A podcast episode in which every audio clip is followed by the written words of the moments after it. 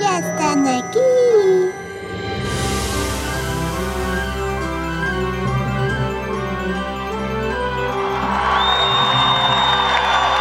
Por.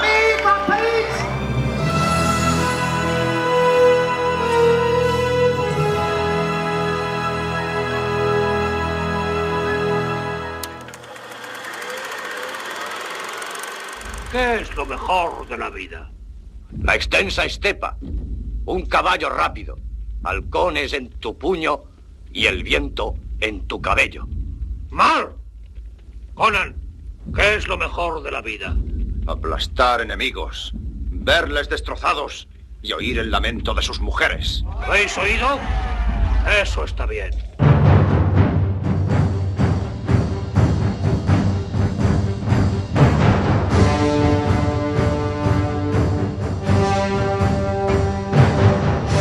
Hola, què tal? Com anem? Som els maleïts malparits i aquesta és la segona part del programa que dediquem a les pel·lícules de la nostra vida, les pel·lícules que ens han marcat, per les raons que siguin. Si a la primera part teníem les grans pel·lícules, les que ens han marcat de debò, aquí en aquesta segona part tenim les altres pel·lícules, les que també ens han marcat i fins i tot, depenent del dia que féssim la llista, podrien estar al capdamunt de tot de les nostres preferències i records. Per tant, si això fos una sessió doble de cine, seria el moment que la pausa entre pel·lícula i pel·lícula s'ha acabat, tothom torna al seu lloc, es posa còmode a la butaca, s'apaguen els llums i l'espectacle torna a començar.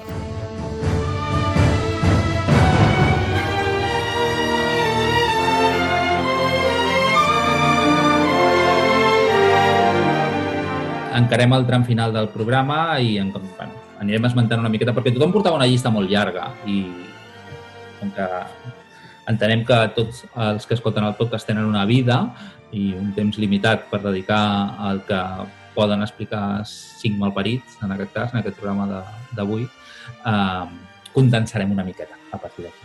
Llavors, eh, Sensei Robles, eh, li toca a vostè eh, encara iniciar aquest tram final. Doncs condensem, condensem amb, amb matraca de la bona. Viernes 13. No sé en quin moment a la televisió espanyola la van posar, jo la vaig veure, eh, havia llegit La Tela Indiscreta com a una pel·li que presentaven com a gore, jo no tenia ni idea de què era això, i em va cagar. Recordo que la vaig gravar amb una cinta beta, amb la portada que donava la mateixa Tela Indiscreta, hi havia una, una estrada clavada amb un coixí. Hòstia, és, és una de les pel·lis que m'han marcat. Did you know that a young boy drowned? His name was Jason.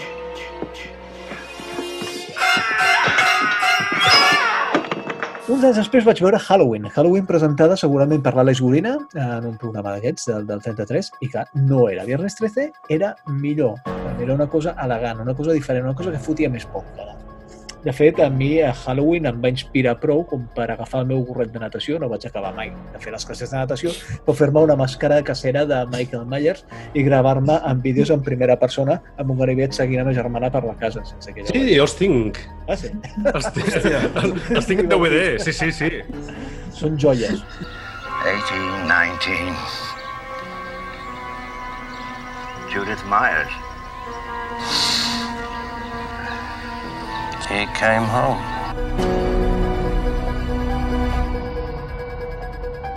Una altra, Pesadilla en Elm Street.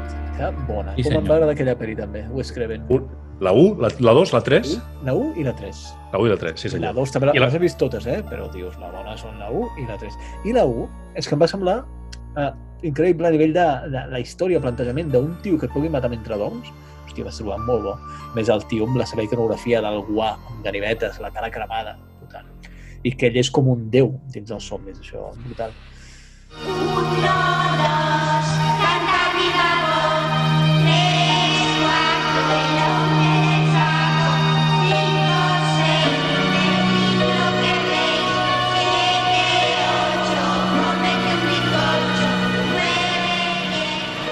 Més pel·lis, eh, Mal Gusto. Mal Gusto és una pel·li que van recomanar al videoclub Roma a Centelles i me la van vendre molt bé perquè em van dir aquesta pel·li la segueixen emetent, eh, segueixen projectant en cinemes a Barcelona i segueix omplint les sales. I, hòstia, jo ho haig de veure. I és, jo no sóc un fan de les pel·lis de riure, però amb aquesta em descollonava viu. Ma mare quan em veia veient aquella pel·li diu, hòstia, per què rius, tio? S'està matant gent aquí. O aquell tio quan es despenya, que és el mateix Peter Jackson, Sí. sí. fotent dos o tres papers, hòstia, vaig trobar molt divertit. L'ovella que explota perquè li foten un cop de bazooka, bueno, que moments brillants, o l'escena dels vòmits. Mal gusto.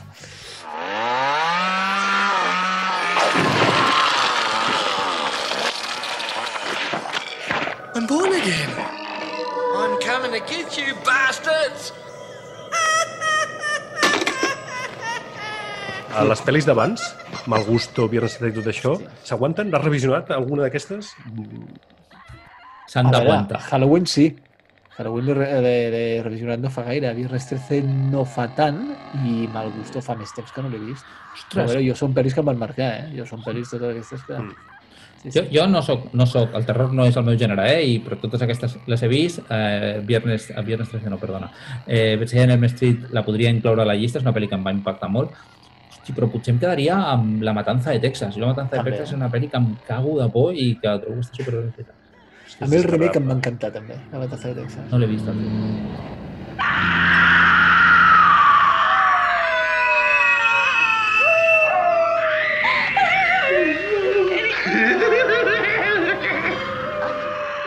Una altra. I aquesta potser coincidim, alguns d'aquí, Los Inmortales.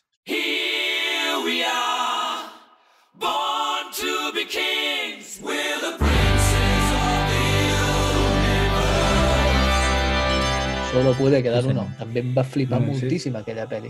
Amb Christopher Lambert i el Sean Connery. I tot el tema Un aquest altre del exemple tirant de de... pel·li que han han envellit amb el cul, però... Hòstia, no Sí, ho sé, tio. Sí? Sí, tio, sí. La tornaré a mirar, la tornaré a mirar. Una cosa, Pol, fixa't aquesta pel·li, el mèrit que té, eh? O sigui, fer-nos creure que un francès guenyo era escocès i que un escocès era espanyol. I, i colava, eh? Ole, tu. ¡Hola! Soy Juan Ramírez Sánchez Villalobos, espadero mayor de Su Majestad Imperial el Rey Carlos I de España. Y estoy a tu servicio.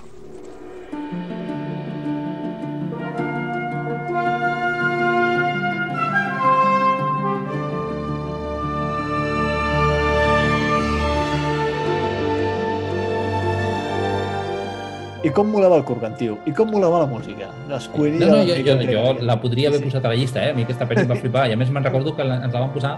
Ara no ho farien, òbviament, perquè dèiem estar a EGB, anant d'excursió amb autocar, i és la pel·li que ens van posar a l'autocar mentre anàvem amb els profes, de, saps? O sigui, ara, no, ara Forts, una eh? pel·li de gent que talla caps no te la posaríem pas.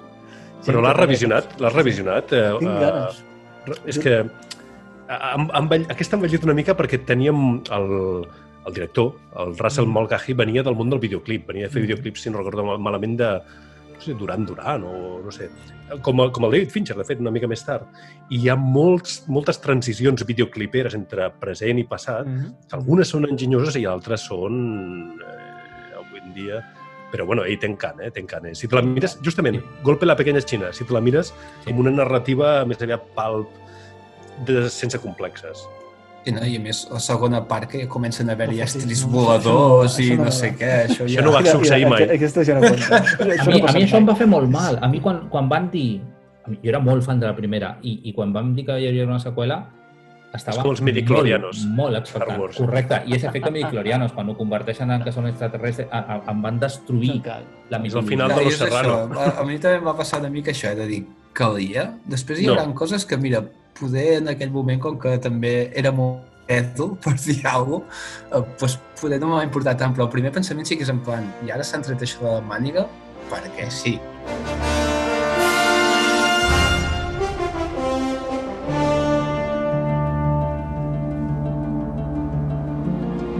I les tres últimes són, i amb aquesta coincidim segurament amb el senyor Ortidor, però a veure, Asesinos Natos.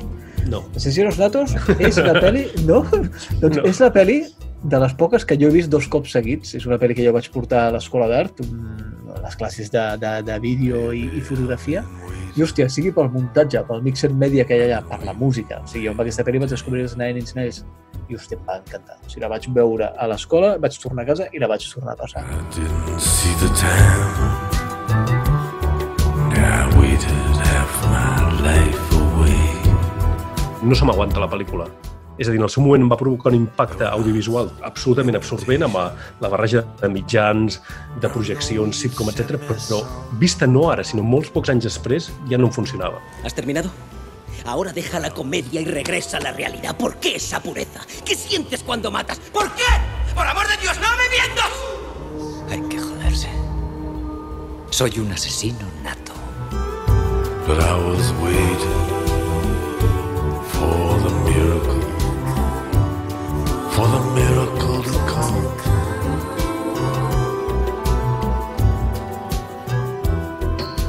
Un altre, El Cuervo, que comentàvem abans. Hòstia, El Cuervo per mi, o sigui, eh, jo fins llavors, eh, totes les pel·lis que veia anava a favor dels dolents. O sigui, aquesta va ser probablement la primera pel·li que vaig veure i dic, hòstia, però és que em mola més el bo que el dolent. ¡Eh! ¡Fuego a tope!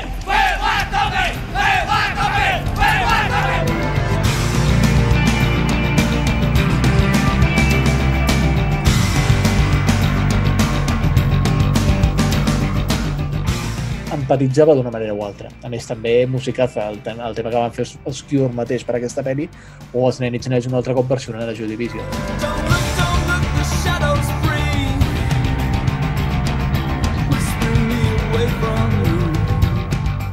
També dirigida per un tio que feia videoclips. I finalment, última pel·li de. Àlex, Àlex Proyas, Proyas. que té la millor rima de la història.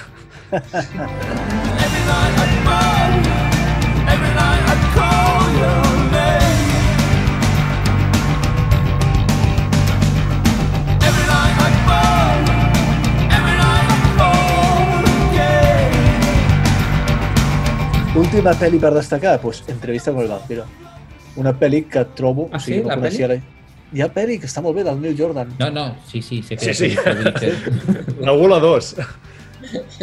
A mi em va molar molt aquesta pel·li. Sí, sí, i em va arribar Vale, un vale. moment en què jugàvem a, a rol, el joc de rol de Vampiro la Mascarada i tot això, hòstia, em va arribar en, en el millor moment en què em podia arribar aquesta pel·li va ser just sortir del cine i llegir les novel·les d'Alan Rice, que no totes s'aguanten, està clar, les tres primeres almenys sí. Jo la, la primera la reivindico molt i la Sí. segona no l'he tornat a llegir, però recordo que en el seu moment em va agradar molt. Sí, Vaig llegir-ne com set, eh? Vaig llegir-ne com set, no Jo també. totes s'aguanten. Les tres primeres, crec. Sí, entre el Vampiro, sí, l'Estat i la Reina dels Condenados. O les Jo pel·lis. vaig arribar a, a Memno, que el Diablo, o, Sí, sí, però no... o El Ladrón de Cuerpos, no me'n recordo.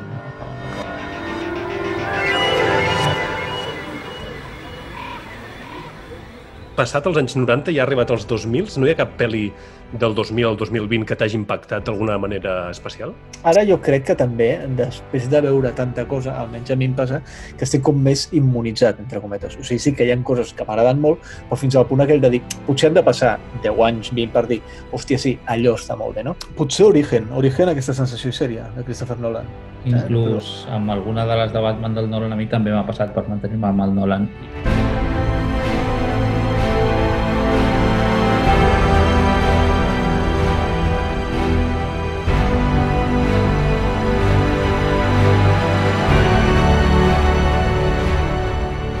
La última, potser amb la que m'ha passat, és la de 1917. La de 1917 Hòstia. bèl·lica, jo vaig flipar amb aquella pel·li, em va agradar moltíssim. I, I no només que també pel tema del, del, pla, del pla seqüència, que també, eh?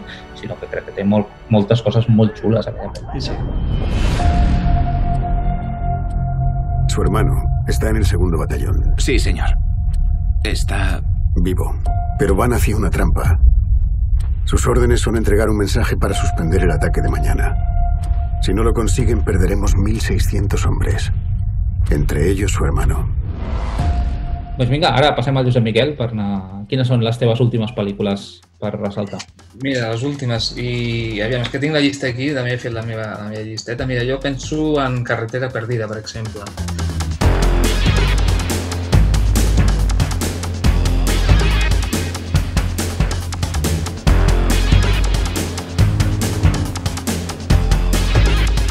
Carretera Perdida, veure a la, a la, a la, a la, a la, a la universitat que un paio, com un profe que tinc, el tinc molt record, vull dir, aquell paio crec que em va canviar moltes coses també, aquell profe, en Pep Parell, es diu, que és de Vic també, i és un paio que doncs, el tio doncs, es presentava a les classes, et posava una peli i un dia va portar Carretera Perdida. Ens va, o sigui, ens va esclatar el cap a tots. Nos conocemos, ¿verdad? Yo diría que no. ¿Dónde cree usted que nos conocimos? ¿En tu casa no te acuerdas? No, no lo recuerdo. ¿Estás seguro? Por supuesto. Es más, de hecho, ahora mismo estoy allí. Eso es una gilipollez. Llámame. Marca tu número. Ya te dije que estaba aquí. ¿Cómo ha entrado en mi casa? Tú me invitaste. No tengo por costumbre ir allí donde no me llaman.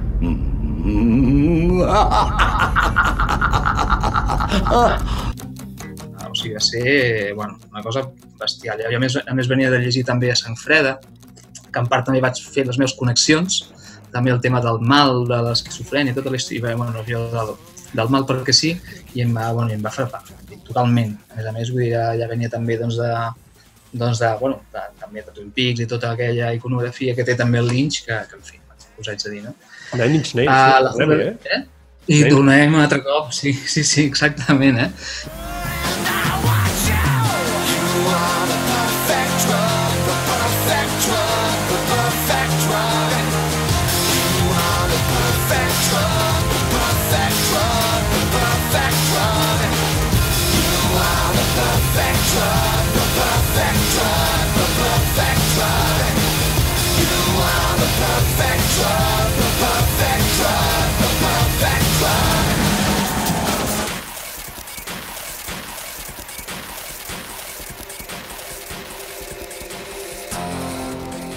Va, em tinc molt poquetes més. Una altra d'en Lynch, un, una, una història verdadera. Jo anava a pensar, aviam què fa Lynch ara també amb aquesta pel·li, i vaig Mm. quedar, allò que dèiem abans, no? d'anar al cinema una mica, allò, aviam, aviam que en trobaré, i allò quedar allò, hipnotitzat també, o sigui, una pel·lícula vull dir, profundíssima també, vull dir que no t'ho penses, no? tan, tan, tan, tan senzilla que és i com, i com entra, o sigui, en sèrio, és boníssima.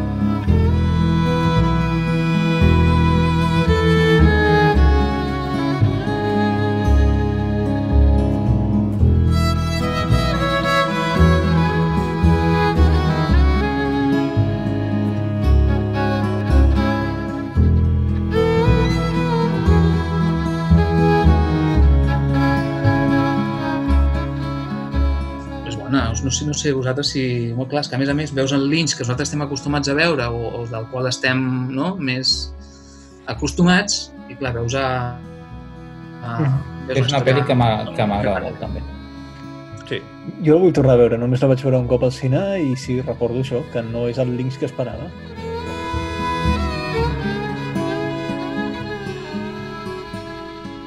L'altra, uh, La jungla de cristal, recordo molt, molt, molt, molt uh, haver-la vist en el cinema Orient de Tona, en una sessió doble, que abans feien sessions, do, sessions dobles.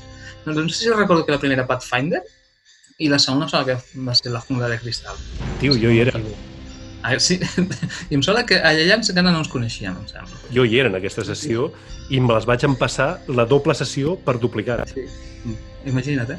I, I ja dic, la jungla de cristal va ser una cosa bèstia, eh? O sigui, jo vaig pensar... "Mare meva, Increïble, que- tio. que- Increïble, una, una pel·li d'acció i a més a més, és a dir, ni, ni que bellos vivir ni polles. Ai, perdó, no. Ni, ni... Ahora tengo una ametralladora. Jo, jo.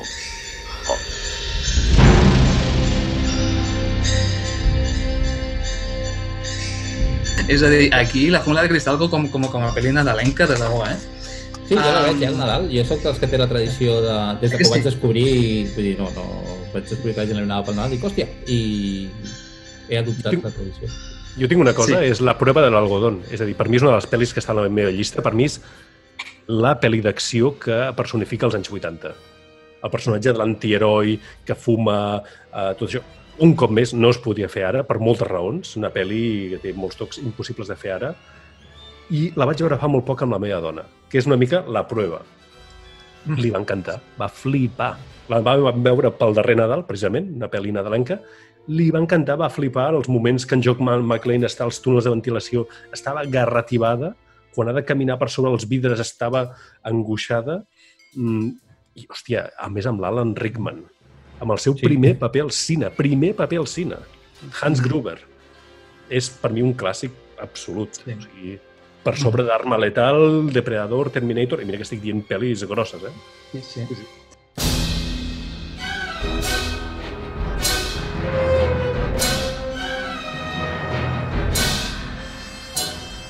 Vente a la costa, estaremos juntos y lo pasaremos bien. Mira, una altra d'aquestes que també que ens posava molt al, segurament a, a, a l'Insti també, segurament Blade Runner, que sempre quina mania de posar Blade Runner a tot arreu, sempre, sempre Sí, Runner, i jo deia, per què posen Blade Runner? Jo aquella època recordo que, pf, mare meva, una... ara, és que, és que jo recordo que no m'entrava, no m'entrava, i amb els anys sí que m'hi ha entrat, i ara per ara, doncs, és dels meus, bueno, preferides. Fins i tot també Blade Runner de 2046, no és?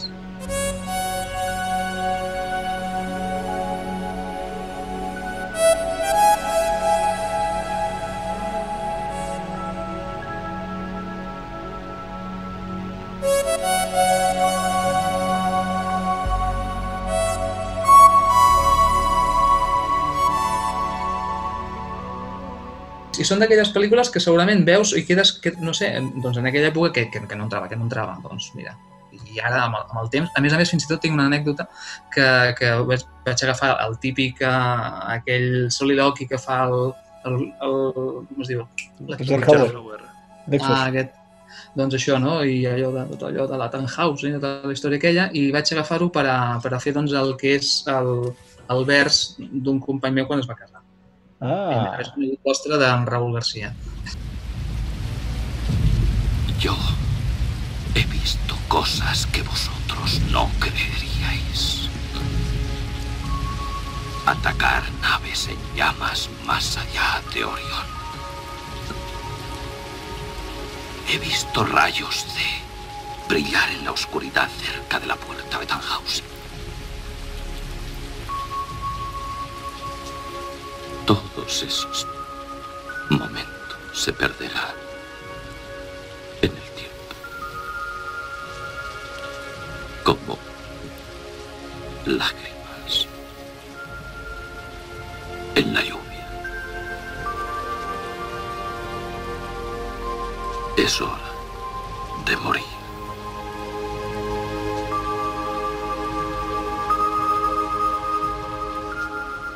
Doncs mira, vaig agafar allò com a, com a, com a, com a model. Va, mini anècdota, coses. mini anècdota, tio. Saps que això ho va, el Roger Hauer ho va improvisar ell. Sí, sí, sí, tant. Sí. Així era ell. Que curiós, eh? De vegades, com en aquestes pel·lícules tan icòniques, les Mm. coses que acabem recordant passen, entre cometes, per casualitat, Mhm. quan I s'alineen les estrelles.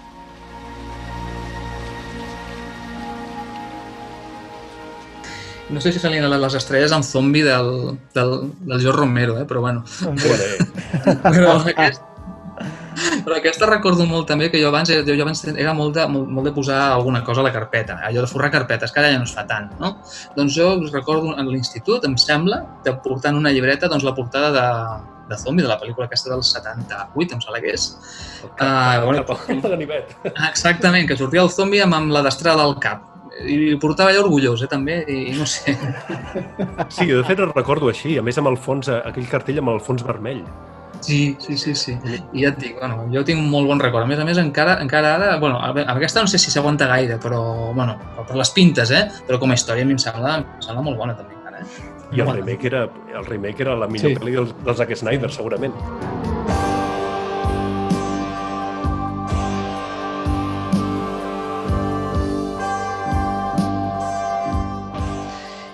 I va, tres més. Uh, Hedwig and the, and the Angry Inch. Hombre. Jo els musicals no m'agraden, o sigui, ja us ho dic també, o sigui, no, no, no m'agraden gaire, però sí, amb aquesta sí que hi vaig connectar, segurament pel rotllo rock, el tema doncs, el, bueno, el rotllo de l'acceptació, el personatge també buscant-se, no? I a més la música, jo crec que he escoltat més la música no pas he vist la pel·li de música, eh? Mm. I banda sonora em sembla espectacular eh, també. I mira, justament el que dèiem, no? des de l'any 2001, o sigui que encara ara encara hi ha coses que ens poden sorprendre i molt, molt sortosament també, eh? I put on some makeup, some and makeup. I'm pulling the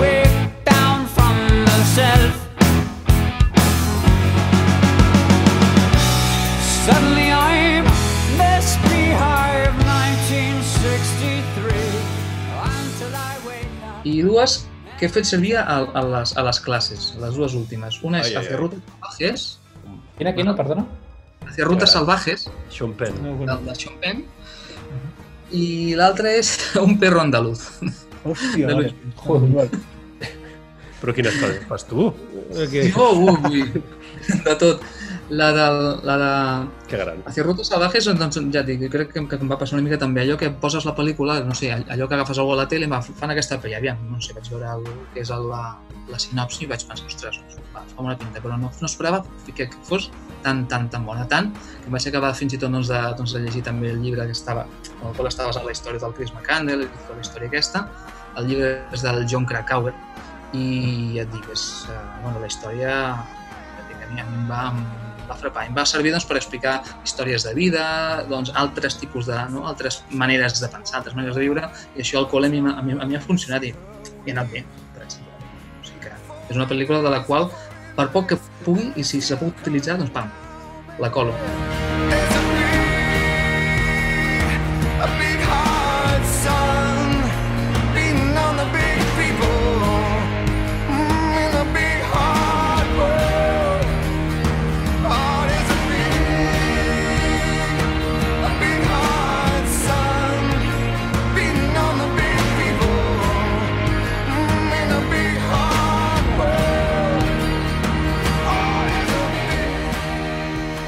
Perro andaluz és una mica el rotllo malparit. És que vull veure la reacció que té els nens d'avui dia veient un perro andaluz. Vull veure-ho.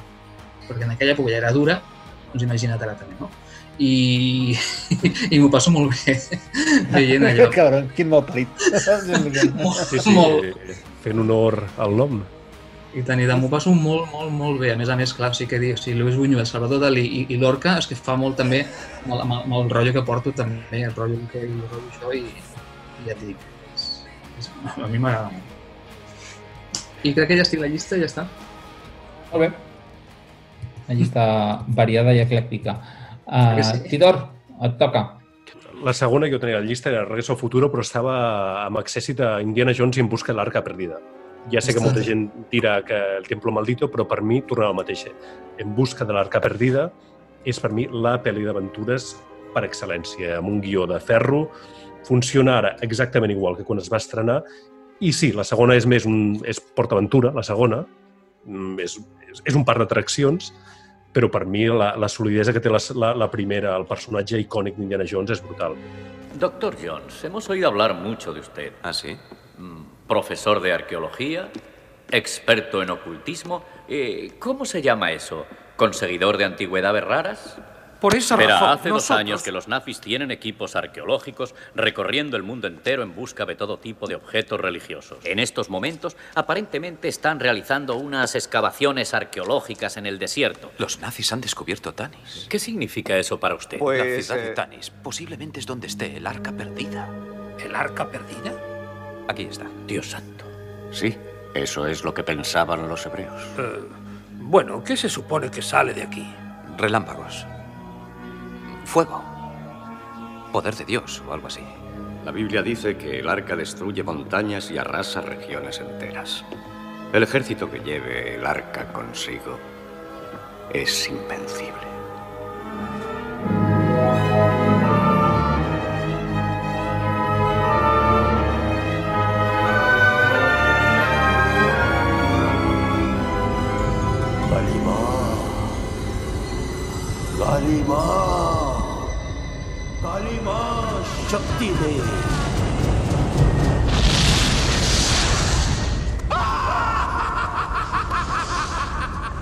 Entremig eh, estava valorant coses com Willow, El secreto de la pirámide, Karate Kid, Gremlins, La princesa prometida.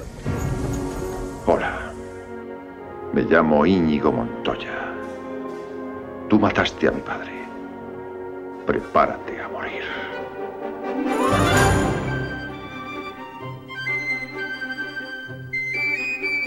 El secreto de la piràmide, concretament, eh, hi ha un Sherlock Holmes, és una pel·lícula que jo sempre he pensat que està completament infravalorada.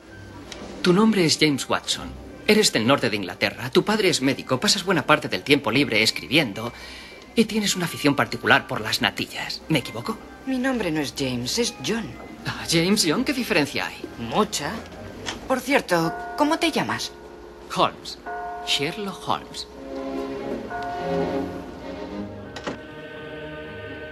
Se'n podia haver fet una franquícia, perquè una pel·lícula amb una ambientació que després, justament molt, uns quants anys després, el, el Chris Columbus reprendria Harry Potter, claríssimament.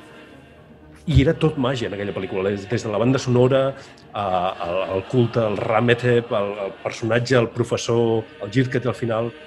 Fins i tot si la veus ara, òbviament la veus de l'època, però s'aguanta molt millor que moltes altres pel·lícules, com ara els Goonies, que estan molt sobremitificades.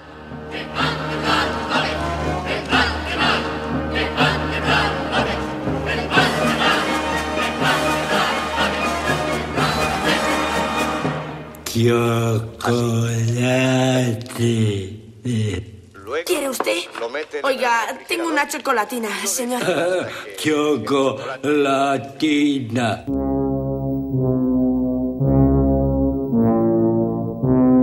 Després, a gènere terror, doncs aquí tenia, evidentment, l'exorcista, Carrie, Halloween, La Cosa, Senyal del Mestre, però per mi la pel·li de terror per excel·lència és El Resplendor. Per mi no hi ha discussió. El que vaig sentir per primer cop quan vaig veure aquella pel·lícula no, per mi no no ha assolit cap mena de pel·lícula. El tractament visual del Kubrick, la música, eh, tot, tot, absolutament. A més, la vaig veure en una casa a, al nord, que estàvem de vacances, una casa vella, d'aquelles que tremolaven tot, amb una tele petitíssima i, i és, és, és irrepetible.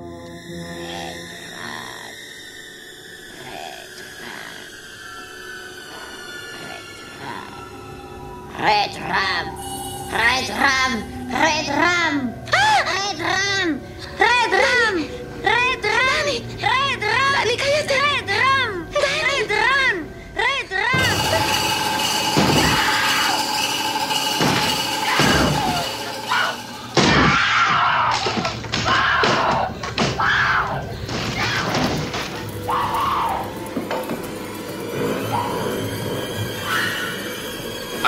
Jack. El Josep Miquel ha dit La jungla de cristal, tam també s'ha dit Los Immortales. Aquí, en, aquest, en aquesta zona, m'agradaria reivindicar un gènere que sovint és menys tingut, és a dir, que és la comèdia. Perquè queda molt millor dir que t'agrada la llista de Schindler que Porquis. Queda més guai. Això és així.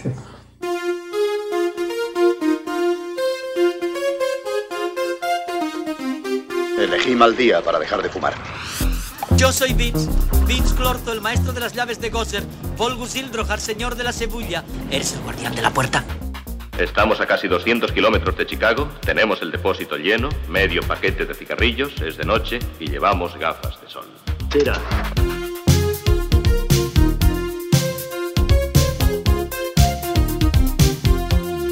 Mahoney, ¿hay una fiesta este fin de semana? Sí, naturalmente que sí. ¿Quieres venir? No, no, yo no. Es que necesito saber dónde es. De acuerdo, no lo guardamos en secreto. Es en el bar La Ostra. ¿Qué tiene de gracioso Pijus Magníficos? ¿Pijus? ¿Magníficos? ¡Velocidad absurda! Señor, abróchese el cinturón. ¡Déjese de abrochados! ¡Velocidad absurda! ¡Ya! Tanto gilipollas y tan pocas balas. Aquí, Olala, Se la vi, Cancan, Parabris y Turifel. Y allí, croissant, soufflé, creperie y café olé.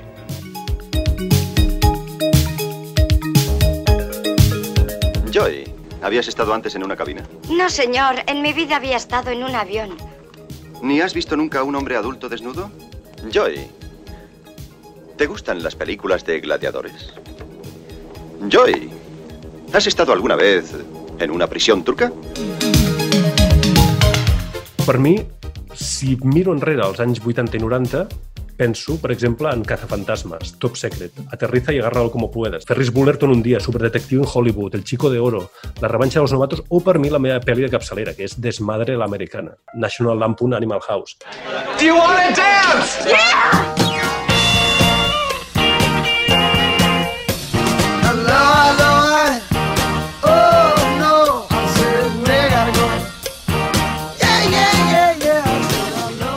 És la pel·lícula fundacional de les pel·lis de gènere d'universitats, amb una banda sonora de la hòstia, un John Belushi desbocat, tan desbocat que per desgràcia va morir poc després, i per mi és una comèdia fundacional que està allà, frec a frec, amb cazafantasmes com a pel·li plena de moments icònics, super divertida, i crec que s'ha de reivindicar més el paper de la comèdia, diguéssim, a les nostres vides. Perquè hem vist moltes comèdies, però es tendeixen a infravalorar sempre. Señor Kroger, tres unos, un dos y un tres. Es decir, 1,56 de media. Señor Kroger, enhorabuena, es usted de lo mejorcito de la fraternidad.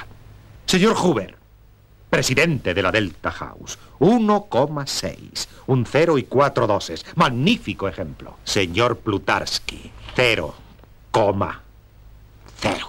Señor Dorman. Sí. 0,2. Borracho, gordo y estúpido no se puede andar por la vida. Bien. Hable usted.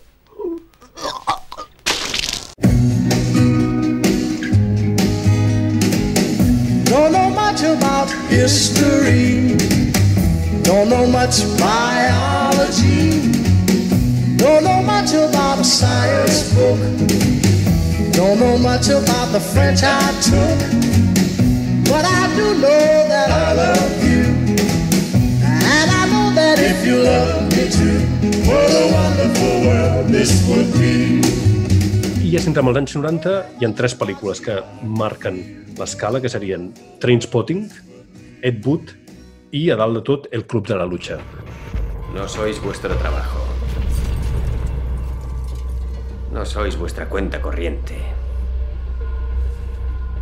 No sois el coche que tenéis. No sois el contenido de vuestra cartera. No sois vuestros pantalones. Sois la mierda cantante y danzante del mundo. Stop.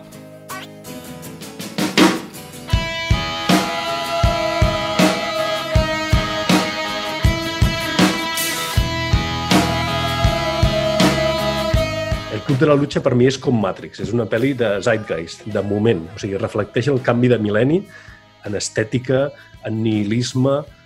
És una pel·lícula, el Club de Lucha, que un cop més, semblem aquí un disc ratllat, ara mateix no es podria fer. De fet, a l'època, i això ho recull l'edició en DVD, és una pel·li que se li va dir de tot. A l'edició en DVD ve totes les crítiques que se li van fer al moment que es va estrenar, l'any 99, li va dir que era, se li va dir que era una pel·li feixista, supremacista, racista, sexista... Clar, jo quan llegia això dic, hòstia, l'hem de veure. I no sé si la, la vam veure junts, Miqui, en aquelles sessions de diumenge que anàvem al cine, gairebé a cegues, al Cine Icari de Barcelona, però va ser aquella sensació de, des del principi, amb aquell travelling a les neurones i tot plegat, fins a aquell final amb els pixis pre-11 de setembre amb els edificis col·lapsant, va ser una experiència sensorial i que s'aguanta perfectament.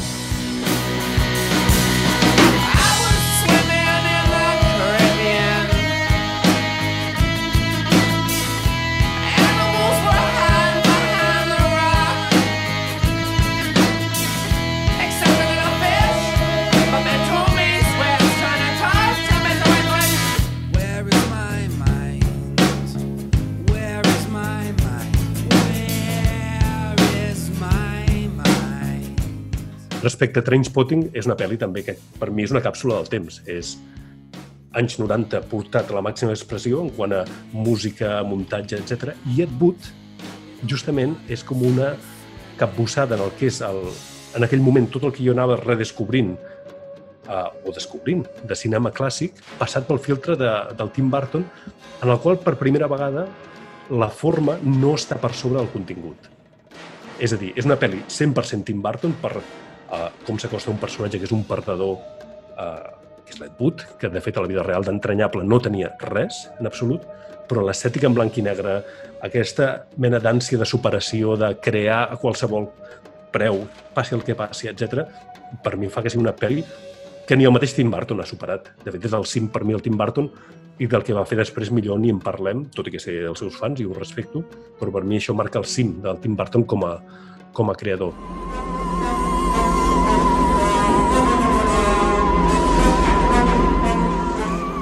Bien, vamos a rodar esta mierda. Estupendo. ¿Dónde me pongo?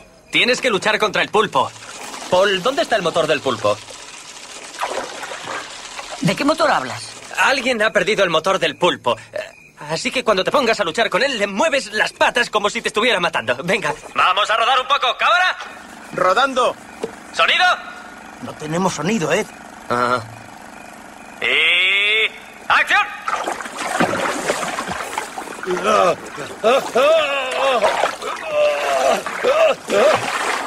¡Y corten!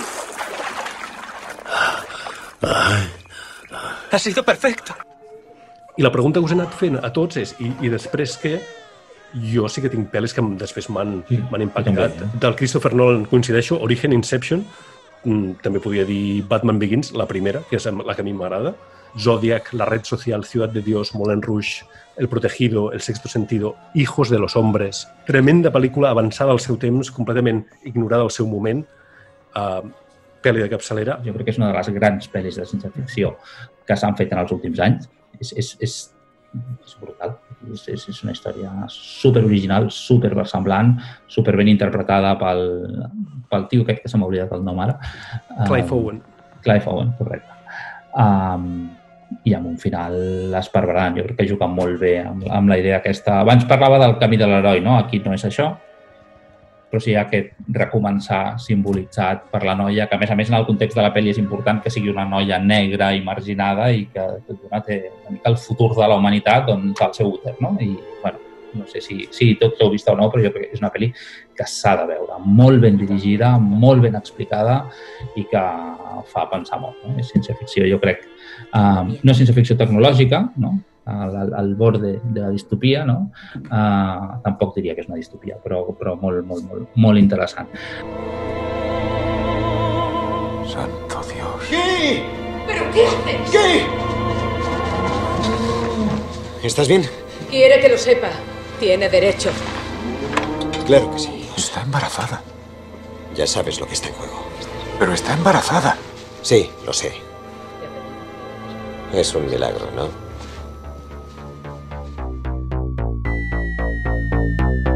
o fins i tot més recents, però que aquí ja sóc conscient que em falta perspectiva.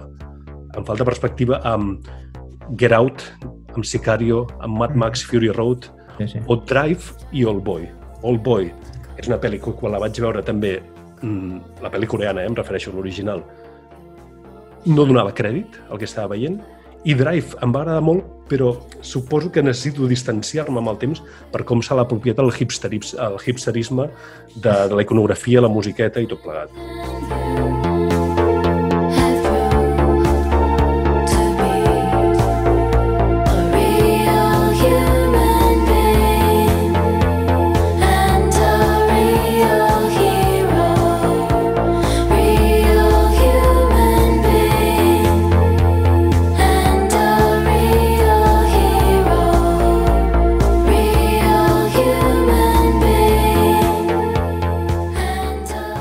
Començaré amb bé aquestes que tenia a casa els meus avis clàssics que em feien passar el rato allà, que era Una noche en l'òpera dels hermanos Marx i com crec que ja he dit en algun moment el King Kong del 33 són sempre, bueno, les havia revisionat molt de petit i crec que ara encara es poden fer.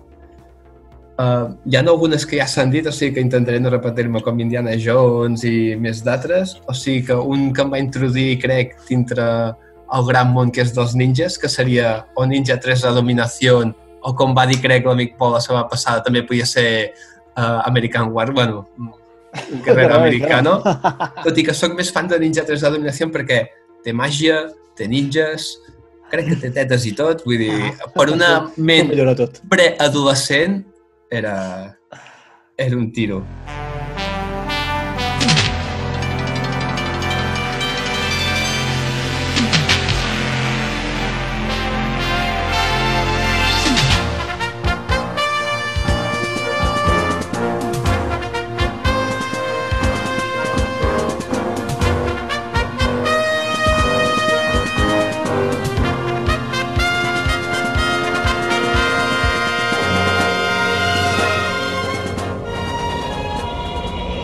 Answer now. Is he in you?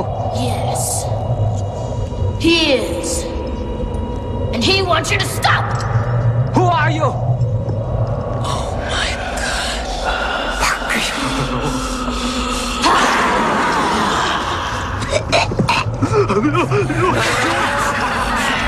I must obey the spirit. He wishes me to cut the rope. No!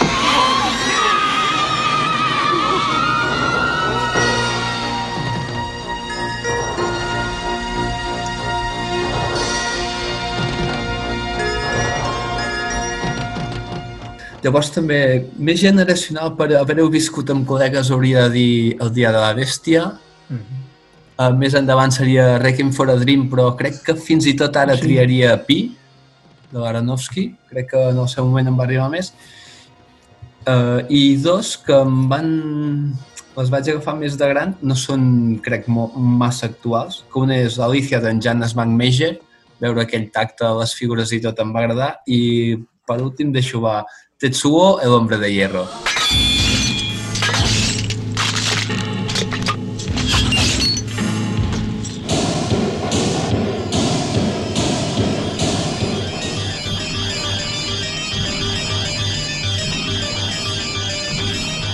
Molt bé. És una pel·li que en el seu moment és, hi ha coses rares allà que et fan...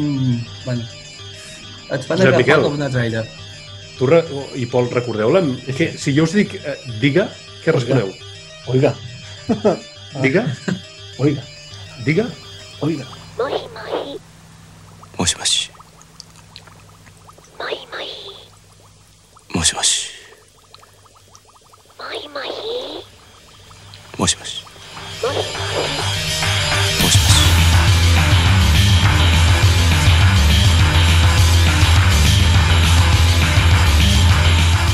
I així 5 minuts. Això és Sí, una sí, escena sí. de. Aquesta que la Per això, hi ha coses d'aquestes que rebenten al cap i dius, què passa aquí? Però després hi ha detalls que ho sé. Jo l'he vist amb vosaltres, l'he vist. No, no Sí, sí. sé si érem tots alhora, no sé si hi havia Pol, Raül i el Roger. A casa meva, concretament. Sí, sí, sí. sí, Sí, sí, sí, i la vaig odiar des del minut 1 fins al minut final, o sigui, és una pel·li que, que ho diu amb tota la meva Doncs no, a ànima. mi m'encanta veure com corren en plan stop motion els personatges. Hi ha tots aquests detalls que m'ha m'ha arribat. No sé, hi ha coses que no... Jo recordo el dia aquest que la vam veure, que la vam veure junts, i de fet, jo no sé què m'agradava més, si veure la pel·lícula o veure com tu, Miqui, odiaves la pel·lícula. Era molt dolenta, és molt dolenta aquella pel·li. I a segona i tot, oi? Eh, I, i tercera, no? La tercera, sí, hi ha tercera. No l'he vist, la tercera. Jo no la conec, la tercera ja, no, ni... Doncs mira, Miqui, Amazon... Una marató, una marató. No. Tinc ganes de descobrir més del cyberpunk aquest japonès que n'he sentit algun podcast que parlen de més pel·lis i, hòstia, és per fer-te una ullada. Sí, senyor. home. Fotre li És que i ens ho explica, sí. Si puc sobreviure. Shinya Sakamoto, home, visca ell, home. Molt bé, jo crec que has fet una molt bona selecció. A, a, acabaré jo. Jo havia fet un esforç molt deliberat de restringir molt el número de pel·lícules que portava, perquè sabia que ens allargaríem, tot i així n'afegiré un parell més. Jo no, no oblidaré mai l'impacte de veure la primera de l'Spiderman del Raimi. Jo era molt lector de l'Spiderman, era el meu còmic de superherois de referència i, i era la primera vegada que el veia ben adaptat. Mi, jo me'l creia. Era l'Spiderman del còmic que a mi m'agradava, amb imatge real. I el, el Tobey Maguire era el Peter Parker.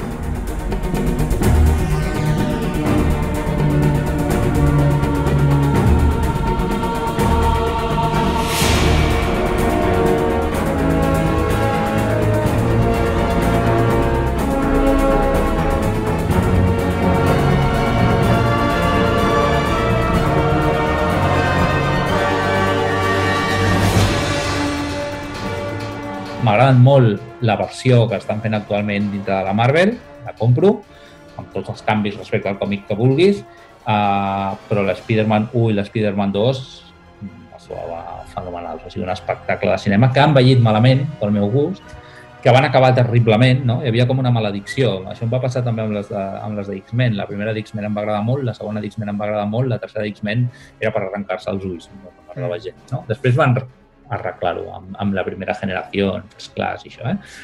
Però bueno, i amb la de Spider-Man passava el mateix. Anava a camí de ser una trilogia de superherois molt, molt, molt, molt, molt digna. Amb la primera ho van aconseguir, amb la segona pel meu gust també i amb la tercera mal. Un gran poder conlleva una gran responsabilidad. Recuérdalo, Pete. Recuérdalo. Un hombre enmascarado malogra el atraco. No es un hombre. Mi hermano le vio haciendo un nido en la fuente del Lincoln Center. Yo creo que es humano. Debe de ser un hombre o una mujer. ¿Que ¿Quién es Spider-Man? Un delincuente, no es más que eso. Un pistolero, una amenaza pública. ¿Qué hace en mi primera plana? Por cortesía de su amigo y vecino Spiderman. Con esas medias de licra se le marca el... Viste como una araña, anda como un bichito. ¿Por qué no le abracito? Miradlo, uh, él es Spiderman.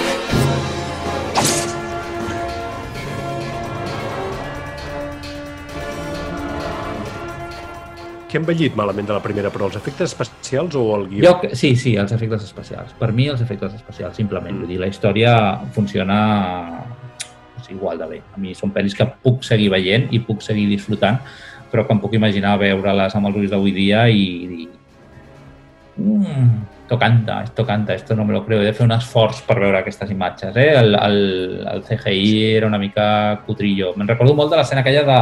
Uh, hi havia com uns globus, no? Com uns Els globus a Times Square, així. Sí. Sí. Era...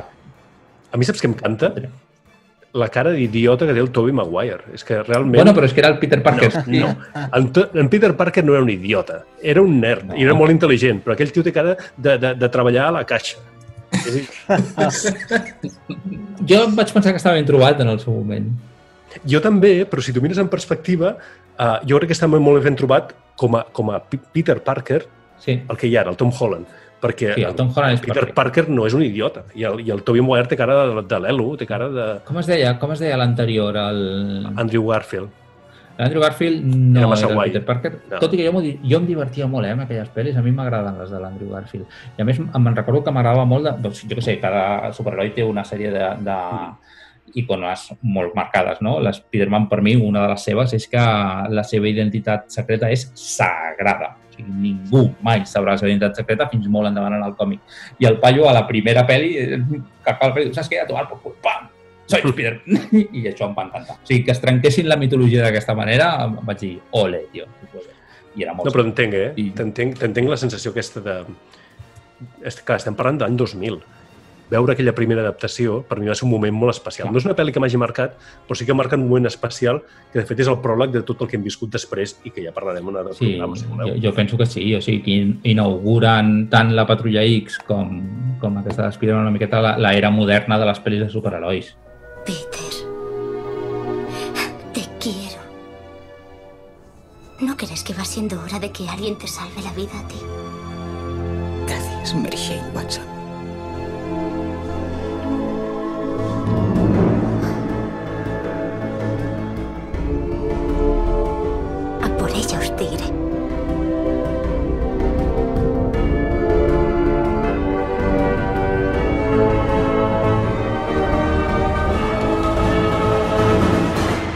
I un altre tresor a, a reivindicar d'aquí de Spider-Man, que és a, el mític tràiler de les Torres Bessones que van haver de treure malauradament perquè la pel·li eh, és, és anterior. I si es busca a YouTube eh, teniu el mític, mític moment, teaser trailer de l'heli- l'helicòpter enganxat enmig de les Torres Bessones que era tan iconogràfic de Nova York com l'Spider-Man mateix.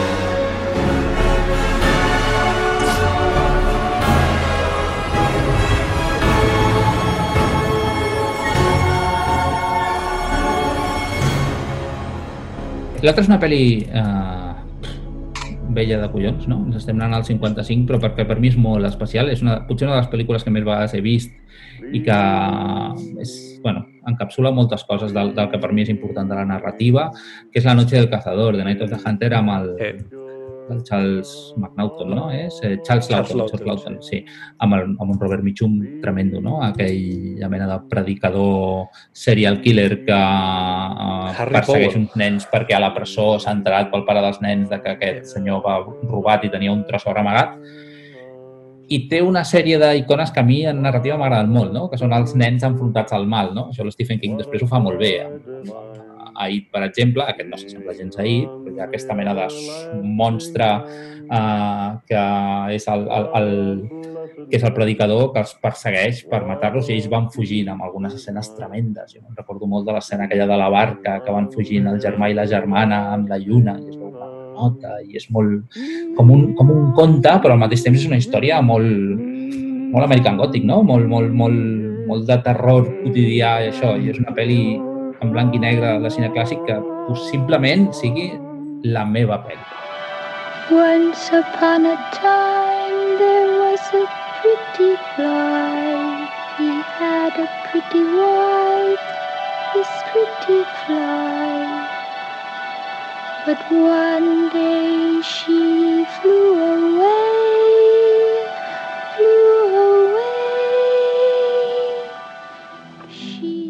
Hi ha, aquesta i Matar un ruixenyor, són dues pel·lis que a mi Ah. sempre m'han agradat molt. Uh, em quedaria amb aquesta i és una pel·li que, que crec que, que, que s'ha de veure en algun moment de la vida. Has, has obert una porta que jo crec que podríem... S'han obert diferents portes.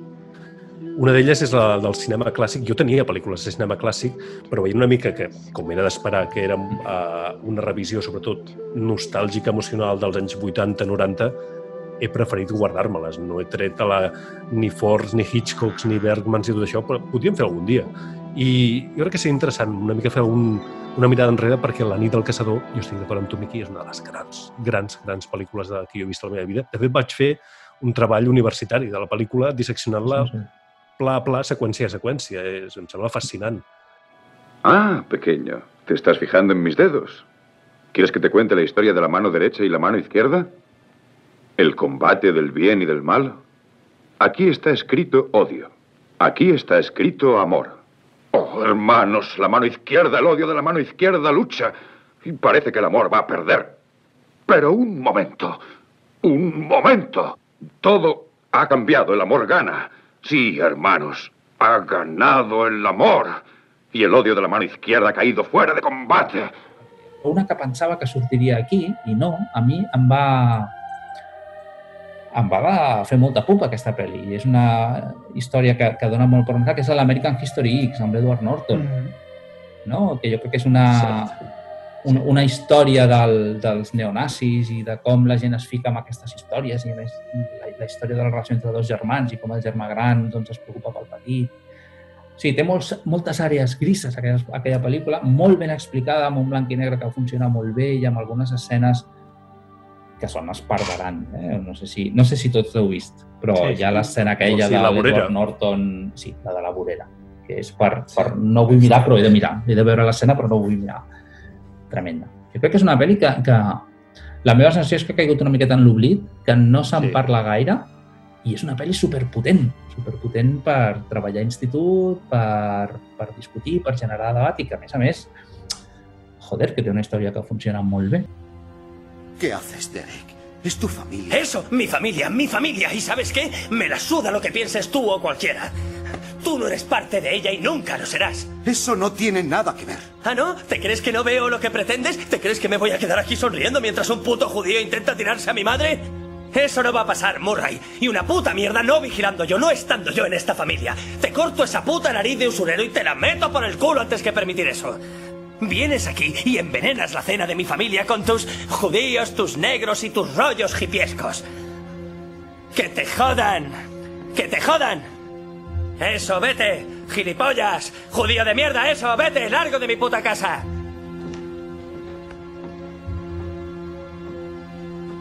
¿Ves esto? Significa no bienvenido.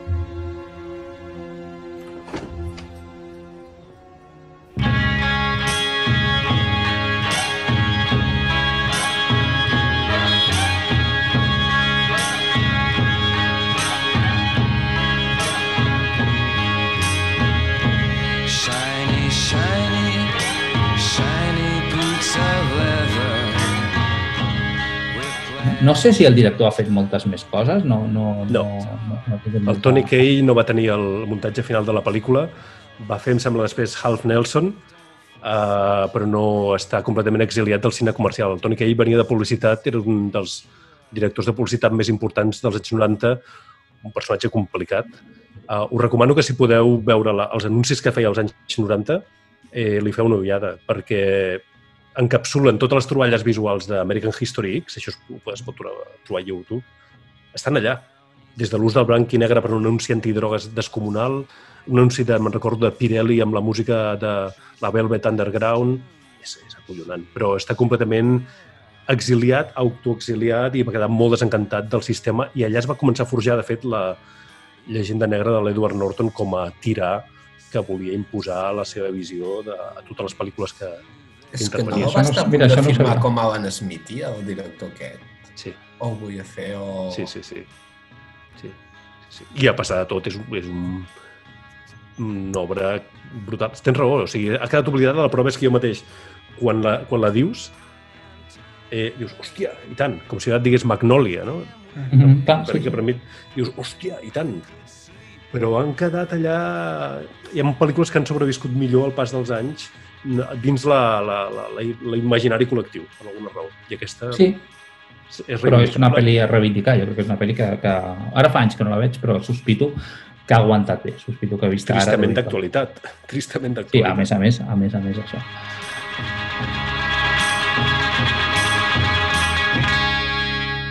Una altra pel·li de ciència-ficció que més comercial i una de les poques pel·lícules del, del Tom Cruise en el qual defenso el Tom Cruise, que és Minority Report, de Steven, de Steven Spielberg, no? una adaptació d'una història del Philip K. Dick amb moltes diferències però molt ben editada, no? la dels precops, la idea aquesta de si jo pogués endevinar el futur i sapigués que tu series un assassí, et podria detenir abans de que fessis el teu crim o, no? I, i a partir d'això creant una història, una mena de thriller de ciència-ficció eh, sobre aquesta idea de la predeterminació, el determinisme, el llibre, la, la, el lliure albir i tot això que és molt interessant. I visualment és molt xula aquella pel·lícula, no? és, és molt Spielberg, és molt espectacular, uh, té el mèrit de que durant les dues hores i mitja, tres hores que duri la pel·li, no me'n recordo, ara no vols matar el Tom Cruise, el qual pues, bueno, uh, no està malament, i, i guai, és una pel·li que, que, que jo que també Lo dijiste sin dudarlo. No existía un informe en minoría, no tengo alternativa de futuro. Voy a matar a ese hombre. Tú aún tienes elección. Los otros no vieron su futuro. Tú aún tienes elección. Puedes elegir.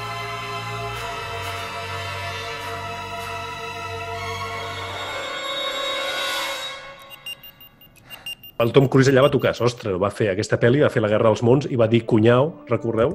Eh, Tom, sí. di cunyau. Allà va tocar sostre el Tom Cruise, ja no ha fet Missió Impossible, que a mi m'ha agradat molt, però ja fent aquestes pel·lis i dient cunyau ja, ja es podia retirar. Sí. Oye, Tom, ¿quién es el hermano de Penélope? Mi cuñado. Pero dilo bien, dilo como el que... Ay. ¿Quién es? ¿Quién es?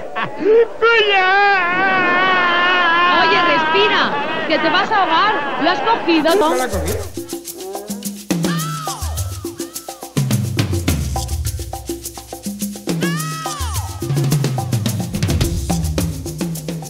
A mi el Tom Cruise m'agrada, bàsicament a dos pel·lis, eh? m'agrada a- aquesta Minority Report i m'agrada Ice White Chat de l'Stanley Kubrick, perquè fa de capullo i el personatge és un capullo, amb el qual fa molt bé de capullo. Uh, No fotis, i Risky Business i Top Gun. a mi Top Gun no m'agrada, és una pel·li No, que m'és no profundament indiferent, no, no m'és igual el que li passi. Ara fan aquesta una nova altra. i Sí, me la, sí, i sí, me una la pela molt. Maverick. Sí, i Risky Business simplement no l'he vist, per la qual no, no jutjaré. Pues no saps el que et perds, amic. Possiblement, però ara mateix no, no em sento molt Tom Cruise en calçotets. a, a recuperar-la, eh? No, Si no te l'he venuda ja. no. Estava amb Rainman, I- també, no? Quina? Amb Rainman, vull dir que, bueno, que tampoc sabies que, que, que, quin quin era el tonto dels dos, no? Claro. és veritat, hòstia, Rainman fa molts anys, mira, no hi havia tornat a pensar mai més en aquella Bueno, i, pel·lícula. na- i nacido el 4 de julio. Aquí, aquí sí, mira, aquí, mira. Mira, aquí sí. Aquí és quan es posa el seriós. Ok, compro. Hi ha un altre. Un altre en la Sí, que home, el sí. Tom Cruise, home, està No, xalat. i segurament si i em té poso a fer tantes placentes pel·lis i- que segurament si em guai, poso a mirar igual en trobo algun altre en la que el salvo, però que en general és una cosa... Entrevista del vampiro. Aquesta pel·lícula horrible que li agrada a en Pol. L'està... Nice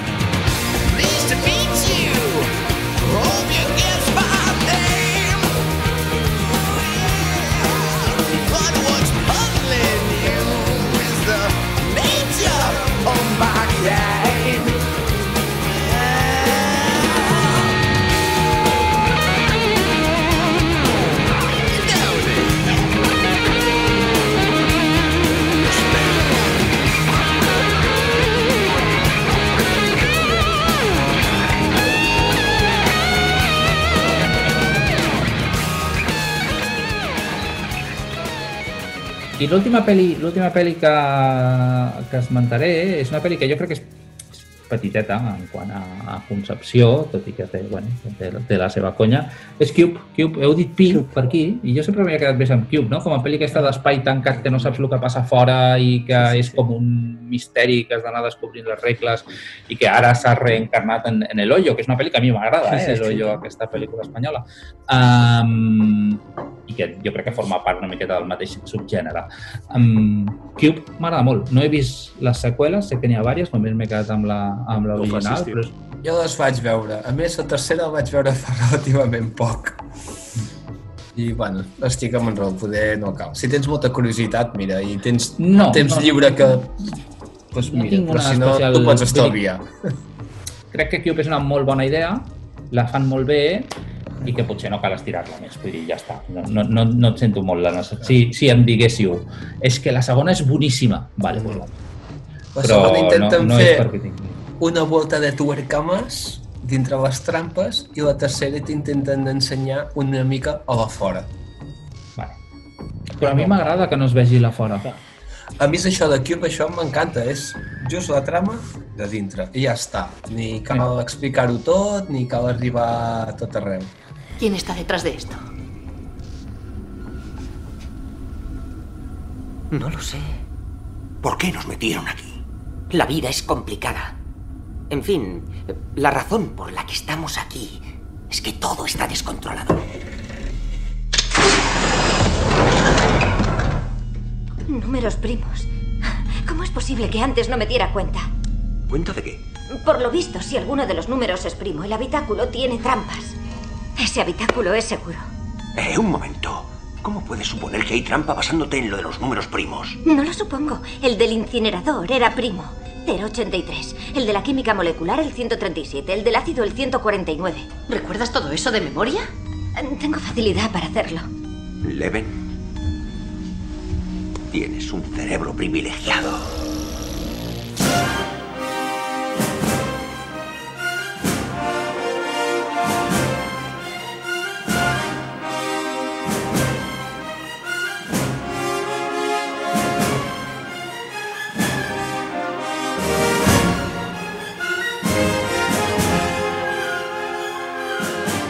I aquestes són les meves pel·lis, ja està, no, no més que això. Bueno, doncs res, eh, fes el comiat, tal, i... Molt bé, doncs esperem que ho... Aquest és un programa llarg, no sabem encara el procés d'edició fins a quin punt l'escurçarà, però um, esperem que hagueu passat com a mínim dos o tres sessions ben agradables escoltant doncs, les pel·lícules que ens han marcat i, sobretot, posant-hi de la part vostra, intentant pensar en quines us han fet reaccionar a vosaltres i, i, i quines doncs, també formen part de la vostra mitologia personal, que al final és una miqueta del que es tracta. No? Jo crec que tots tenim una trajectòria, no? una educació sentimental, eh, per, per, per, per, parafrasejar aquell, eh, formada una miqueta de totes les coses que hem anat veient i del criteri que se'ns ha anat formant, començant, doncs, com el que deia el Pol, anant al videoclub i mirant les portades i la portada més frapant possible és aquesta és la pel·lícula que vull veure. No? Sempre diem, no s'ha de jutjar un llibre o una pel·lícula per la portada, però tots ho fem i tots hem començat així i està bé que haguem començat així. Llavors, I quan és l'únic que hi havia, quan és l'únic que hi havia, Miqui, és així. Sí, sí, no, no, que jo ho feia i ho faig, vull dir, és com, i fins i tot ara canviant d'àrea, vaig a comprar vi i em guio per la L'etiqueta. etiqueta, vull dir que és que estem fets per jutjar amb els ulls. Sempre i quan això no t'impedeixi, un cop tastes la cosa, sigui el que sigui, corregir-te a tu mateix respecte a la impressió inicial, les impressions inicials són el que són, són una hipòtesis que poses a prova després en consumir el producte del que es tracta i això està bé que sigui així. Uh, us convidem a fer-vos vostre el programa i ja sabeu, bueno, ens veurem no sé si ara es diu lo de les zones, però ens veurem pel ciberespai i, i fins al proper programa.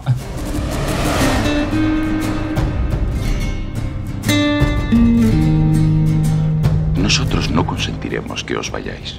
¿Cómo nosotros? ¿Quiénes? Smith y Hueso y yo. Anda, alégrame el día. Olvidaba deciros las tres reglas. La primera odia la luz brillante, ya lo habéis visto. La luz del sol le mataría. La segunda, mantenerle alejado del agua. Y la más importante de las tres, nunca debe comer después de medianoche. ¿Tiene nombre? Sí, Mowai. ¿Cómo? ¿De dónde eres, muchacho? De Oklahoma City, señor. ¡Ah! Solo hay dos cosas en Oklahoma. Ganado y maricas. ¿Qué eres tú, muchacho? ¡Adelante! Bien, chicos, cantemos un poco esta mañana. ¡Ho Chi Minh, eres un hijo puta! ¡Ho Chi Minh, eres un hijo puta! La tienes con la diminuta. Yo, yo, yo, yo, yo, yo, yo, yo, yo, yo quiero el cuchillo. Que lo pida otra vez. Quiero el cuchillo. Por favor.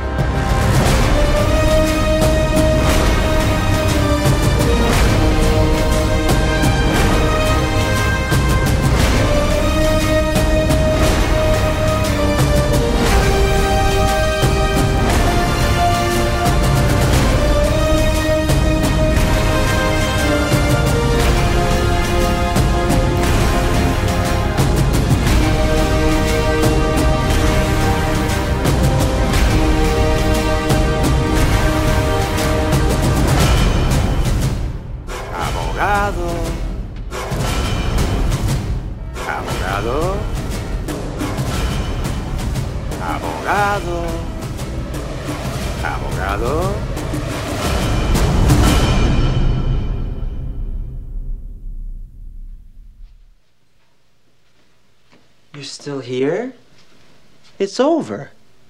Go home. Go.